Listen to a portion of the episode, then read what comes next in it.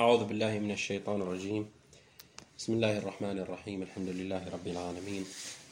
صلى الله على نبينا محمد وعلى أهل بيته الطيبين الطاهرين. اللهم صل على محمد وعلى محمد. السلام عليكم ورحمة الله جميعا. ما زال حديثنا في هذه التأملات يدور حول آه، الآيات الأولى في المقطع الأول من سورة المزمل. وتحدثنا عن مجموعة من النقاط في هذا المجال آه، بعنوان آه، التأملات التفسيرية في هذه الآيات المباركة.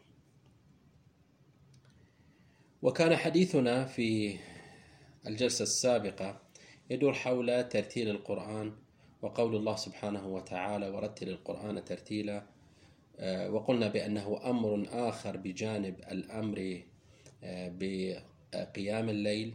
يا أيها المزمل قم الليل. ثم بعد ذلك حددت آه، وقت هذا القيام لتنتقل بعد ذلك إلى أمر آخر وتوجيه آخر للنبي صلى الله عليه وآله بقوله ورتل القرآن ترتيلا وذكرنا فيما يرتبط بهذا المقطع مجموعة من النقاط.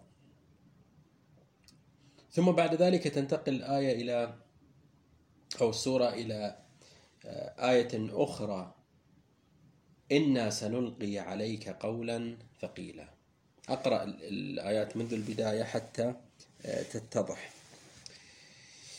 لاحظوا بسم الله الرحمن الرحيم. يا أيها المزمل قم الليلة إلا قليلا. نصفه أو انقص منه قليلا. أو زد عليه ورتل القرآن ترتيلا. إنا سنلقي عليك قولا ثقيلا. إن ناشئة الليل هي أشد وطئا وأقوم قيلا. إنا سنلقي عليك قولا ثقيلا. هذه أو هذا هذه الجملة لنقول هذه الجملة أو هذه الآية المباركة واضح إذا يعني بدأنا بملاحظة سياق الآيات. هذه جملة معترضة. يعني جملة أدخلت في سياق حديث بحسب الظاهر آخر. الآيات تتحدث عن الأوامر عن الأوامر والتوجيهات التي يوجهها الله سبحانه وتعالى لنبيه. قم الليلة ورتل القرآن ترتيلا ثم بعد ذلك يقول له إنا سنلقي عليك قولا ثقيلا. إذا هذه كما يقول المفسرون هذه جملة معترضة بين الآيات السابقة والآيات اللاحقة لأننا سنجد أن الحديث سيعود بعد هذه الآية مرة أخرى حول الليل. إن ناشئة الليل هي أشد وطئا وأقوم قيلا. إذا هذه الآية آية معترضة جملة معترضة. يعني لو أردنا نكتبها بحسب الأدبيات الحديثة نضعها بين آه، شرطتين. نضعها بين شرطتين. خب الآن لو حذفنا هذه يعني مؤقتا حذفنا هذه الجملة معترضة. تكون الآيات هكذا. بسم الله الرحمن الرحيم. يا أيها المزمل قم الليل ورتل القرآن إن ناشئة الليل هي أشد وطئا وأقوم قيلا. إذا هذه الجملة جملة معترضة بين أو آه، في ثنايا الحديث عن الأوامر والتوجيهات الإلهية آه، لنبيه صلى الله عليه وآله. إنا سنلقي عبر بالإلقاء. لم يقل سنرسل إنما قال سنلقي. يعني هناك أمر سوف تعطى إليه تعطى إياه بواسطة الإلقاء. وهو فيه نحو من الإشارة على ماذا؟ على الشدة والفجاءة. سنلقي ألقيت هذا الأمر يعني كما نعبر بالعامية يعني حذفت أو آه، مثلا ألقيته بعد. ألقيته أو لحته بحسب بعض اللهجات. هذا أمر. الناس سنلقي إن طبعا الضمير الله سبحانه وتعالى يتحدث عن نفسه. إنا نحن سنلقي عليك أيها المزمل قولا ثقيلا. لماذا قال سنلقي عليك؟ لم يقل سنلقي إليك. لماذا عبر بعليك ولم يعبر إليك؟ في حين أنها ربما تأتي نفس المعنى. يعني لا يختل المعنى. قلت سنلقي عليك سنلقي إليك. يعني يؤدي نفس المعنى. ولكن علماء اللغة يقولون أن التعبير بعلى فيه آه، آه، أو تستعمل في الأمور الشديدة والأمور الثقيلة. كتب عليكم القتال وهو كره لكم. كتب عليكم لاحظوا عليكم الصيام كما كتب على الذين من قبلكم. لأن فيه مشقة فيه تعب فيه شدة يقال عليك ولا يقال إليك. إنا سنلقي عليك قولا كلاما ثقيلا. الثقل واضح بأنه هو يستعمل في الأمور المادية وهي الأمور التي آه، حملها ونقلها من مكان لآخر فيه شدة ومشقة وتعب. فأقول هذه الحجرة ثقيلة.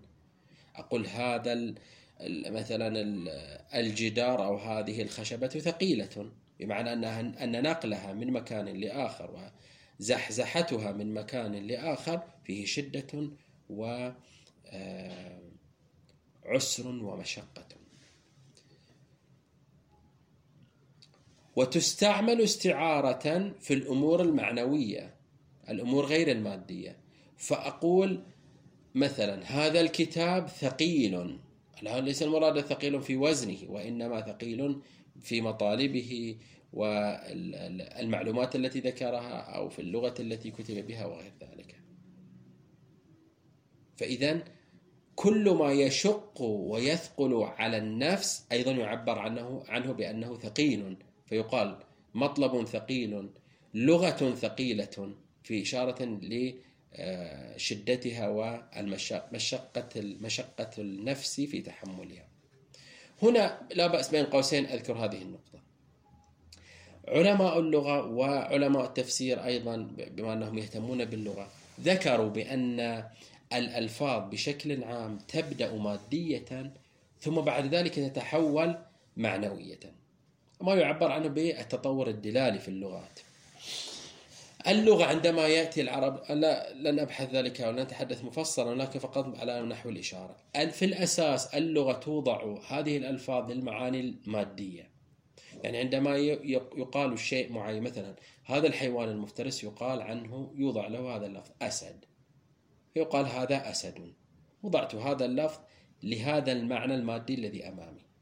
ولكن بعد ذلك تتطور اللغة فأستعمل لفظ الأسد الذي وضعته لهذا الحيوان المفترس إلى أستعمل هذا اللفظ على شيء وعلى إنسان شابه الأسد في قوته في شجاعته في إقدامه وغير ذلك.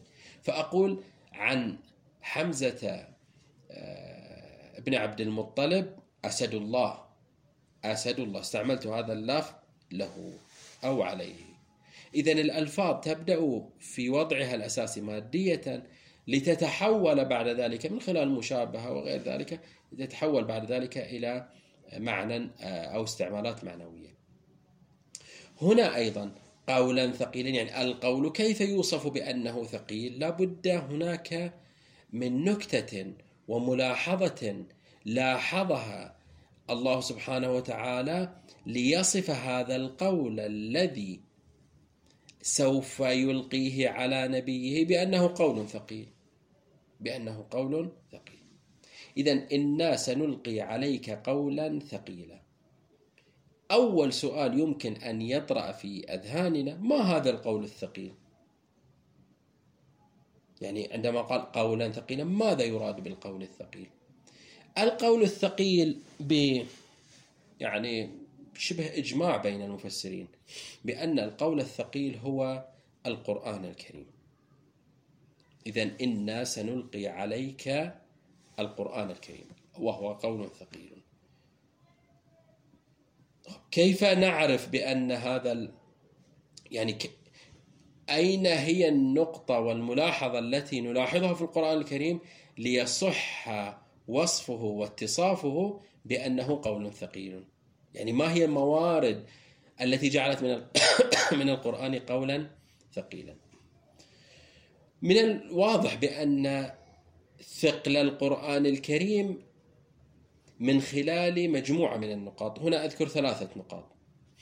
النقطة الأولى قول ثقيل بملاحظة مضامينه ومبادئه وتشريعاته وإلزاماته وأحكامه. كل هذا الملاحظ القرآن الكريم فيه مضامين ذات قيمة آه، آه، مميزة. ذات قيمة ليست رائجة. ذات قيمة ليست بسيطة فهو قول ثقيل من خلال تشريعاته وإلزاماته وقواعده مضامينه تلك الأحكام التي فرضها فرضها في القرآن الكريم تلك القيم التي يريد أن يبثها في في المجتمعات الاسلام في المجتمعات الإنسانية. اذا القرآن ثقيل بهذا المعنى، قول ثقيل. إضافة إلى ذلك هو قول ثقيل بالنسبة لتلقي الناس هذا القول ليس قولا يسيرا بالنسبة الناس تكونت مجتمعاتها بنمط معين ووفق آه، مبادئ وقوانين معينة وفق وفق مثلا الالتزامات وتوافقات بينهم معينة. أن يتلقوا مبادئ وقيم وأحكام وتشريعات جديدة ستغير هذه التشريعات من طبيعة حياتهم وعلاقاتهم مع بعضهم البعض في طبيعة سيرهم في تجارتهم في أعمالهم في حركاتهم في مثلا تنقلاتهم. هذا ثقيل بالنسبة لي إذا ثقله أيضا في تلقي الناس له فهو قول ثقيل بالنسبة للناس. إضافة إلى هذين الأمرين هناك أمر ثالث يكون القرآن به ثقيلا وهو تبليغه. فتبليغ القرآن بما يشمله من من الأمور التي ذكرناها من أحكام وقيم ومبادئ. لتحكم هذه القيم وهذه المبادئ حياة الإنسان وحياة المجتمعات هذا ليس أمرا هينا. والمصلحون يعلمون بأن تكلي التكليف بأداء رسالة معينة ولو كانت بسيطة فيه ثقل ثقل المسؤولية. ما بالك ما بالك بأن تكون هذه الرسالة وهذه الرسالة من قبل الله سبحانه وتعالى. ويريد أن يغير بها العالم. يريد أن ينقل الناس من الهداية من الضلال إلى الهداية. إذا هذه الرسالة بهذه الطبيعة ثقيلة. نجد أن موسى عليه السلام والله سبحانه وتعالى قد أخبره بأن يبلغ رسالته إلى فرعون. نجد أنه بمجرد أن كلفه الله سبحانه وتعالى بهذه الرسالة ماذا قال؟ أحس بثقل الرسالة بثقل التبليغ. فقال ربي اشرح لي صدري ويسر لي أمري واحلل عقدة من لساني يفقه قولي واجعل لي وزيرا من أهلي هارون أخي. آه، نعم إلى آخر الآيات المباركة. أشدد به أزري وأشركه في أمري إلى آخر الآيات. إذا استصعب واستثقل أن يتحمل المسؤولية لوحدها. بأن يذهب إلى فرعون ويخبره بأنه رسول من الله سبحانه وتعالى وأن يسلم إليه بني إسرائيل. إذا هذه ثقل الرسالة. إذا القرآن الكريم في قيمه مبادئه في تبليغه في تلقي الناس له ثقيل. ليس يسيرا حتى يتهاون معه.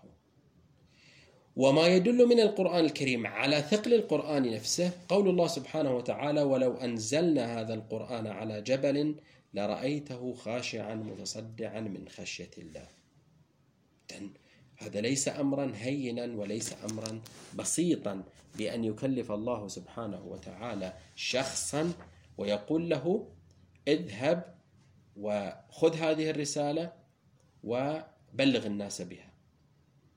وفيها مضامين صعبة. كيف أوصل هذه المضامين للناس؟ كيف أجعلهم يتفاعلون معها؟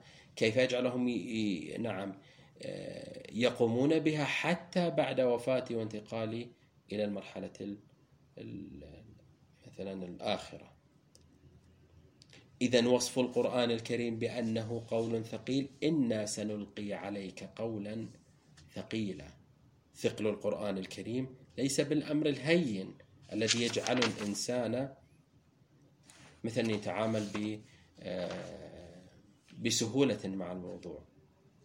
والمصلحون يدركون أهمية هذه النقطة وخطورة هذه النقطة. أن تتحمل مسؤولية ليست مسؤولية نفسية لك وإنما مسؤولية الآخرين.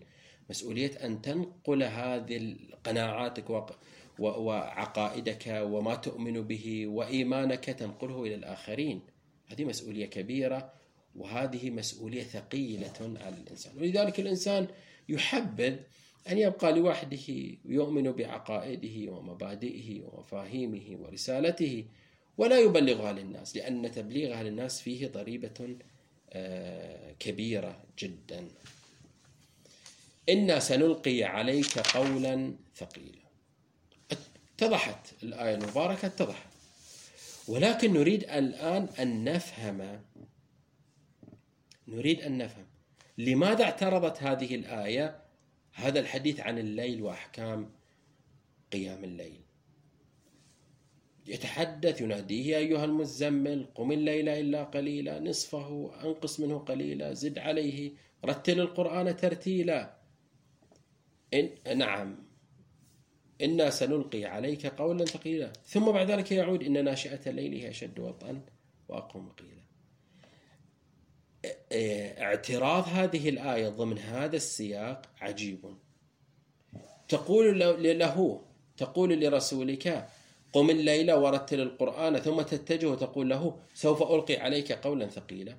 ما الربط بين قيام الليل وبين تلاوة القرآن من جهة ومن جهة أخرى سنلقي عليك قولا ثقيلا. سوف تتحمل مسؤولية كبرى. ست... نعم ستلقى على عاتقك. ما هو الرابط بين هذا الأمر بين قيام الليل وبين آه، سنلقي عليك قولا ثقيلا؟ أولا لابد أن نعرف الجملة المعترضة دائما تريد أن تلفت انتباه القارئ وانتباه المستمع إلى شيء مهم. تريد أن تجعله لا ينحرف من من زاوية من مثلا من سياق إلى سياق آخر. تريد أن تربطه بفكرة معينة. هذه الجملة المعترضة. إذا هذه الجملة المعترضة جملة مهمة. يريد الله سبحانه وتعالى أن يوجه القارئ للقرآن الكريم ولهذه الآية المباركة إلى هذه النقطة. أن سنلقي عليك قولا ثقيلا. جيد. إذا ما هو الرابط بين قيام الليل بوصفه ارتباطا بالله سبحانه وتعالى وبين إن سنلقي عليك قولا ثقيلا؟ إذا هذه نقطة مهمة تجعلنا نركز كثيرا على هذه الجملة المعترضة. فالله سبحانه وتعالى يريد أن يلفتنا إلى هذه الحقيقة. جيد. ما يمكن أن نستنتجه واستنتجه كثير من المفسرين خصوصا في في يعني لنقل مثلا في ال 50 60 سنة الأخيرة. قالوا بأن الآية علة تريد أن تذكر العلة والحكمة من قيام الليل. يعني صار المحور ليس قيام الليل وإنما المحور هذه الآية المعترضة. كيف؟ الآية المباركة تريد أن تقول ما الحكمة من إيجاب قيام الليل عليك وإلزامك بقيام الليل؟ لأننا سنلقي عليك قولا ثقيلا. فنحن لم نوجب عليك قيام الليل وترتيل القرآن والناس نيام والناس نيام إلا إلا من أجل أنك ستتحمل هذه الرسالة. فلأنك ستتحمل هذه الرسالة قم الليل إلا قليلا. ورتل القرآن ترتيلا. إذا هذه نقطة مهمة. وبتعبير آخر الله سبحانه وتعالى يريد أن يقول لنبيه صلى الله عليه وآله يا أيها المزمل الناس سنكلفك بتكليف ثقيل ورسالة كبرى وتحتاج لتحملها ولأدائها تحتاج إلى تربية روحية. وتهيئة نفسية. فقم الليل إلا قليلا نصفه أو انقص منه قليلا أو زد عليه ورتل القرآن ترتيلا. فبدل أن تبدأ الآية المباركة بذكر هذه المسؤولية الكبرى وكيفية تلقيه وتحمله لهذه هذه الرسالة الكبرى والثقيلة بدأت بالوسيلة بدأت بالأداة وهي أداة الأداة التربوية. وهي قيام الليل. فقم الليل إلا قليلا ورتل القرآن سنلقي عليك قولا ثقيلا. وبعد ذلك أكمل الحديث حول مسألة الليل وقيام الليل وأهميته كما سيأتينا إن شاء الله تعالى. إذا الآية في صدد ذكر العلة التي من أجلها والحكمة التي من أجلها شرع وألزم الله رسوله بقيام الليل. وهذه نقطة جدا مهمة. ويمكن تصنيفها ضمن فلسفة العبادة العبادة بمعناها العام وهي ارتباط بالله سبحانه وتعالى. فلسفة العبادة والارتباط بالله سبحانه وتعالى وتعطي نظرة جديدة للعبادة. المرتكز في أذهاننا والمتلقى والذي نفهمه من خلال كثير من النصوص. طبعا ليس من عندنا. جل المؤمنون جل العلماء يقولون هكذا. بل النصوص القرآنية والحديثية تقول العبادة من أجل الثواب من أجل مثلا نعم نكون في مقام عال عند الله سبحانه وتعالى نكون في الجنة وغيرها من الأمور التي تذكر. ولكن هذه الآية تذكر فلسفة مهمة للعبادات. فالعبادة واحدة من أهم المحركات الأساسية لقيام الإنسان بمسؤوليته. فكلما كانت المسؤولية ثقيلة احتاج الإنسان إلى الارتباط بالله أكثر وأقوى. لو نلاحظ إخواني أخواتي لو نلاحظ نقطة مهمة. هذه السورة المباركة نزلت في بدايات البعثة. لم يشرع الله سبحانه وتعالى لم يقل الله سبحانه وتعالى لنبيه يا محمد كلفتك بالرسالة كن كن مخلصا في رسالتك كن مثلا آه، دقيقا في إيصال مثلا هذه الرسالة. قال له تحتاج إلى تربية روحية خاصة لأننا سوف نكلفك بتكليفات ثقيلة. رأفة منا بك نقول لك قم الليل يجب عليك قيام الليل لكي تستطيع أن تتلقى هذه الرسالة وتؤدي هذه الرسالة. هذا الدرس مهم جدا لنا كمسلمين في لأداء مسؤولياتنا. فالمسؤولية لا يعني لا يعني الانقطاع عن الله سبحانه وتعالى وإنما تعني الارتباط بالله سبحانه وتعالى. تجعل هذه المسؤولية آه، أداة في الارتباط بالله سبحانه وتعالى إضافة إلى أنها تحتاج إلى ارتباط بالله سبحانه وتعالى. فالارتباط بالله سبحانه وتعالى يحوط مسؤولياتنا. يحوط مسؤولياتنا. هذه فلسفة العبادة في الإسلام. فلسفة العبادة. ليست العبادة فقط لنيل المقام المحمود.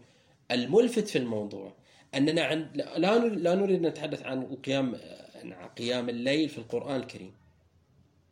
وإنما لأنه ذكرت كثير من من الآثار لقيام الليل هذه الآثار هذه الآثار كانت يبعثك الله يبعثك ربك مقاما محمودا.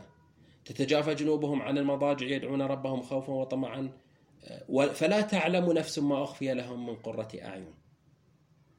وغيرها من من الآيات التي تتحدث عن ثواب عن ما سوف يتلقاه ويلقاه الإنسان جراء قيام الليل. ولكن هذه الآية المباركة التي هي في بداية البعثة المباركة يأتي الله سبحانه وتعالى يقول له سوف أكلفك بتكليف ثقيل عليك في أدائه وفي مضمونه وفي طريقة تلقيه فقم الليل ورتل القرآن. إذا الإنسان المسؤول إذا الإنسان الذي يريد أن يتحمل مسؤولية بل كلنا نتحمل مسؤولية ليس أمرا اختياريا. فالإنسان صاحب المسؤولية يحتاج لكي يتلقى رسالة يتلقى مسؤوليته ويؤدي مسؤوليته أن يرتبط بالله سبحانه وتعالى.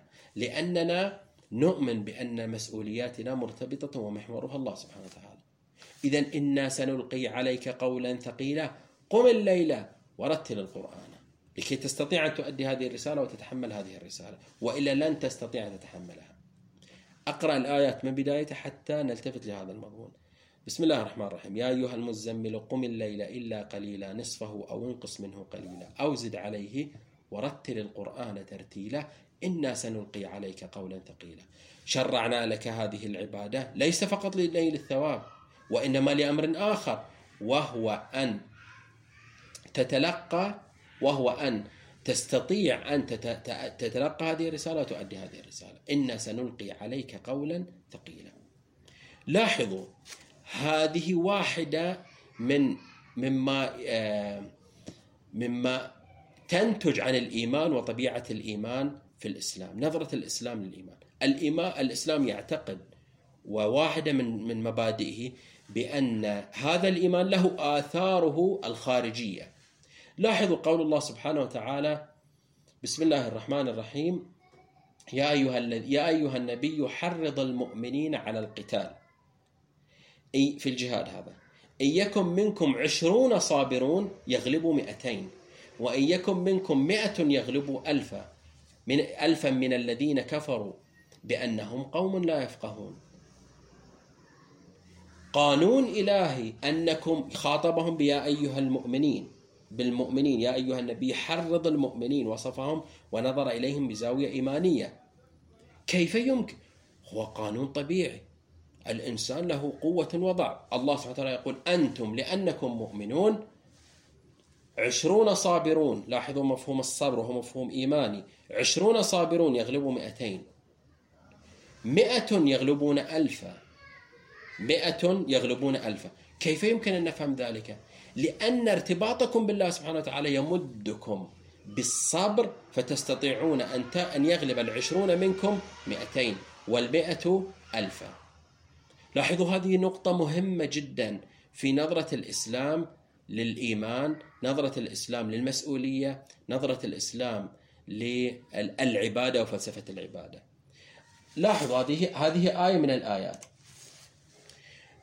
كان لنا تأملا في سورة نوح وقلنا بأن واحدة من النوافذ المهمة التي لا ينبغي على المؤمن المتحمل للمسؤولية وصاحب الرسالة أن يغفلها وهو أن يفتح نافذة للتواصل مع الله سبحانه وتعالى. يشكو إلى الله سبحانه وتعالى. يشكو إلى الله سبحانه وتعالى همه. يخاطب الله سبحانه وتعالى بما تلقاه بهمومه بآلامه بما يريد أن يحققه بإخلاصه. هذه نافذة مهمة بالنسبة بالنسبة للإنسان صاحب الرسالة. صاحب الرسالة لا يقول أنا أؤدي رسالتي إلى الله فلا داعي لأن أتواصل مع الله سبحانه وتعالى. وأخلو مع الله سبحانه وتعالى. في سورة نوح ذكرنا ذلك مفصلا. وأن نوحا أن السورة بأكملها هي عبارة عن بث شكوى نوح لله سبحانه وتعالى. باستثناء الآيات الأولى ثم بعد ذلك نوح بدأ هو بالحديث مع الله سبحانه وتعالى. إني دعوت قومي ليلا ونهارا فلم يزدهم دعائي إلا نفورا ومضمون الآية هكذا. هو يبث إلى الله سبحانه وقلنا هناك درس مهم. تلقيناه من هذه السورة المباركة بأن الإنسان صاحب الرسالة وصاحب المسؤولية لابد أن يكون على خط متواصل مع الله سبحانه وتعالى. كما يعبر خط ساخن مع الله سبحانه وتعالى. لاحظوا عندما جاء آه، نعي مالك الأشتر لنبي أمير المؤمنين صلى الله عليه. ماذا قال؟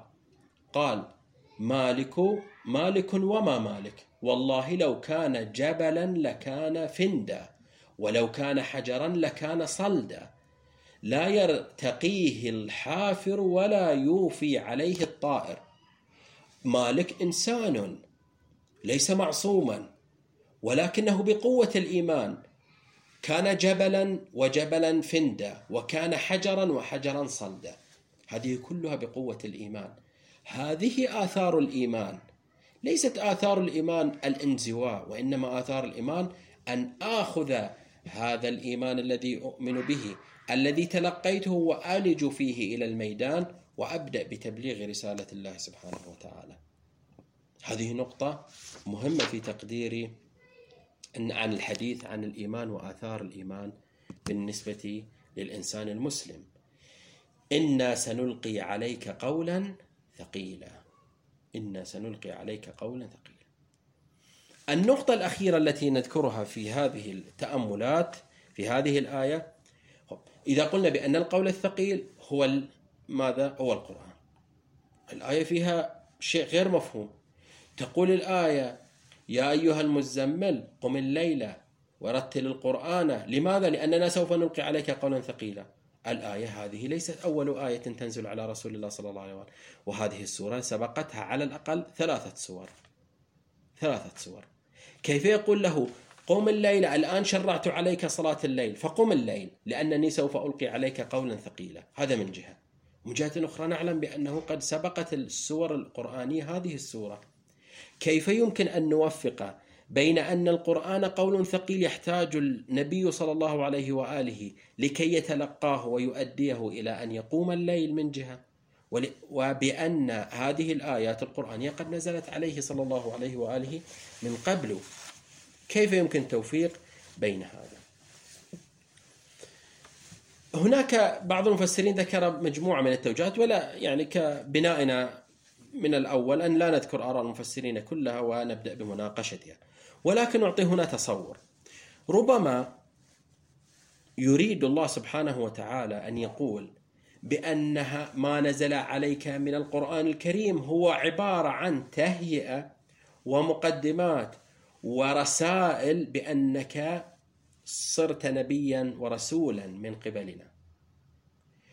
فأنت تحملت الرسالة أنت بدأت بتحمل الرسالة ولكن لم يصلك بعد لم تصلك بعد التكاليف الثقيلة.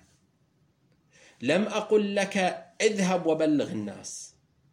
إلى الآن لا يوجد هناك تبليغ. قم الليل إلا قليلا إنا سنلقي عليك قولا ثقيلا. والآيات التي سبقتك اقرأ باسم ربك الذي خلق.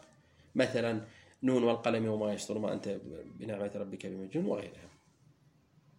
ربما تكون هذه الآية بدء إنذار للنبي صلى الله عليه وآله بأن ما سيأتيك من أحكام ومفاهيم قرآنية وقواعد قرآنية تجمعها ستكون سيكون بالنسبة إليك تكليفا ثقيلا على عاتقك فقم الليل إلا قليلا ورتل القرآن ترتيلا. اذا لا لا تهافت في الآية فالآية تريد أن تقول أنت قد تكلفت وكلفت بالرسالة ولكن ما جاءك من مفاهيم إلى الآن يعني نتحدث عن بدايات السنوات الأولى من البعثة. ربما حتى كما س يعني سنبحث ذلك حتى مرحلة الدعوة العلنية لم تصل. يعني الآن اذهب وخبر خديجة واخبر وأخبر أبا طالب وأخبر مثلا فلان وفلان. ولكن سيأتيك من الأحكام القرآنية ما تحتاج إلى أن تكون قائما ليلك تاليا لكتاب الله سبحانه وتعالى. إذا هذه الآية كأنها تقول ليست الرسالة كما أعطيتك من البدايات. هذه البدايات الأولى المقدمات الأولى. وإنما لم تأتيك التكاليف وإنذار الناس وبناء المجتمع الإسلامي والتعامل مع الناس مع الديانات الأخرى ومجابهة المشركين وغيرها من الأحكام التي طبيعتها طبيعة ثقيلة على كاهلك وعلى نفسك. إذا إنا سنلقي عليك قولا ثقيلا هو محور السورة. فقم الليلة ورتل القرآن ترتيلا. أكتفي بهذا المقدار وإن شاء الله سبحانه وتعالى في الليالي القادمة نتعرض لما تبقى من فصول هذه السورة المباركة. أقول قولي هذا وأستغفر الله لي ولكم والسلام عليكم ورحمة الله وبركاته.